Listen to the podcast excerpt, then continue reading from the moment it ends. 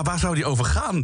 Ik ben heel benieuwd, want ik kan alle kanten op, dames en heren. Kink. Kink op de week. Met Wouter Monde. Met Wouter Monde. Kort na de inval van Rusland en Oekraïne riep Moldavië de noodtoestand uit. En even voor de mensen die denken dat Moldavië een podcast over wie de mol is, wie is de mol is. Moldavië is een buurland van Oekraïne.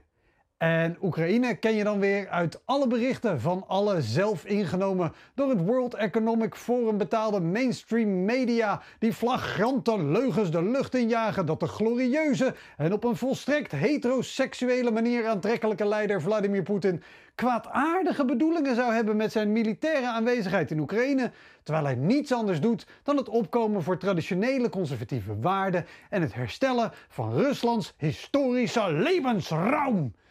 Sorry, ik heb van de week gekeken naar Ongehoord Nederland en dan neem je onopgemerkt toch het een en ander over. Forum voor Democratie, PVV en ook Ja21 zijn alle drie fan van Rusland. Als Poetins troepen verder naar het westen trekken, veranderen Eerdmans en Nanninga hun partijnaam binnenkort van Ja21 in Da21. Moldavië riep dus de noodtoestand uit, zodat ze zichzelf makkelijker kunnen verdedigen als Poetin ook in hun land zijn ego wil beschermen. Weet je van die, van die babushka's, weet je zo'n poppetje waar elke keer een nog kleiner poppetje in blijkt te zitten? Nou, precies dat is er met Poetins Pimolski aan de hand. Behalve dat hij enkel het allerkleinste poppetje heeft en er nu met militair geweld grotere overheen probeert te zetten. De andere reden voor Moldavië om de noodtoestand uit te roepen is dat ze zo makkelijker vluchtelingen op kunnen vangen. Ze rekenen op tienduizenden vluchtelingen.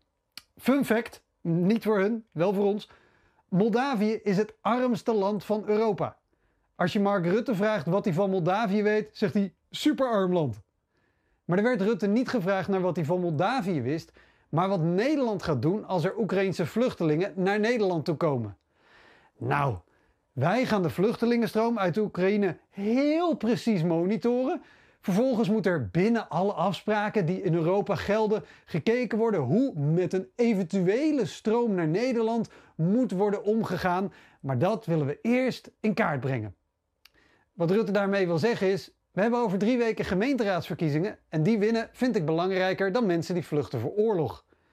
Mark Rutte vindt dan wel dat we moeten verbroederen, maar alleen met elkaar, hè? niet met vluchtelingen. Vluchtelingen opvangen, dat doen ze maar in de regio. Maar van de Apple Store in Amsterdam naar de grens van Oekraïne is maar 1500 kilometer. Dat rijd je in een uur of 15. En als die gijzelnemer kegelaar van de politie rijdt, hooguit in een uur of 6. Kortom, wij zijn de regio.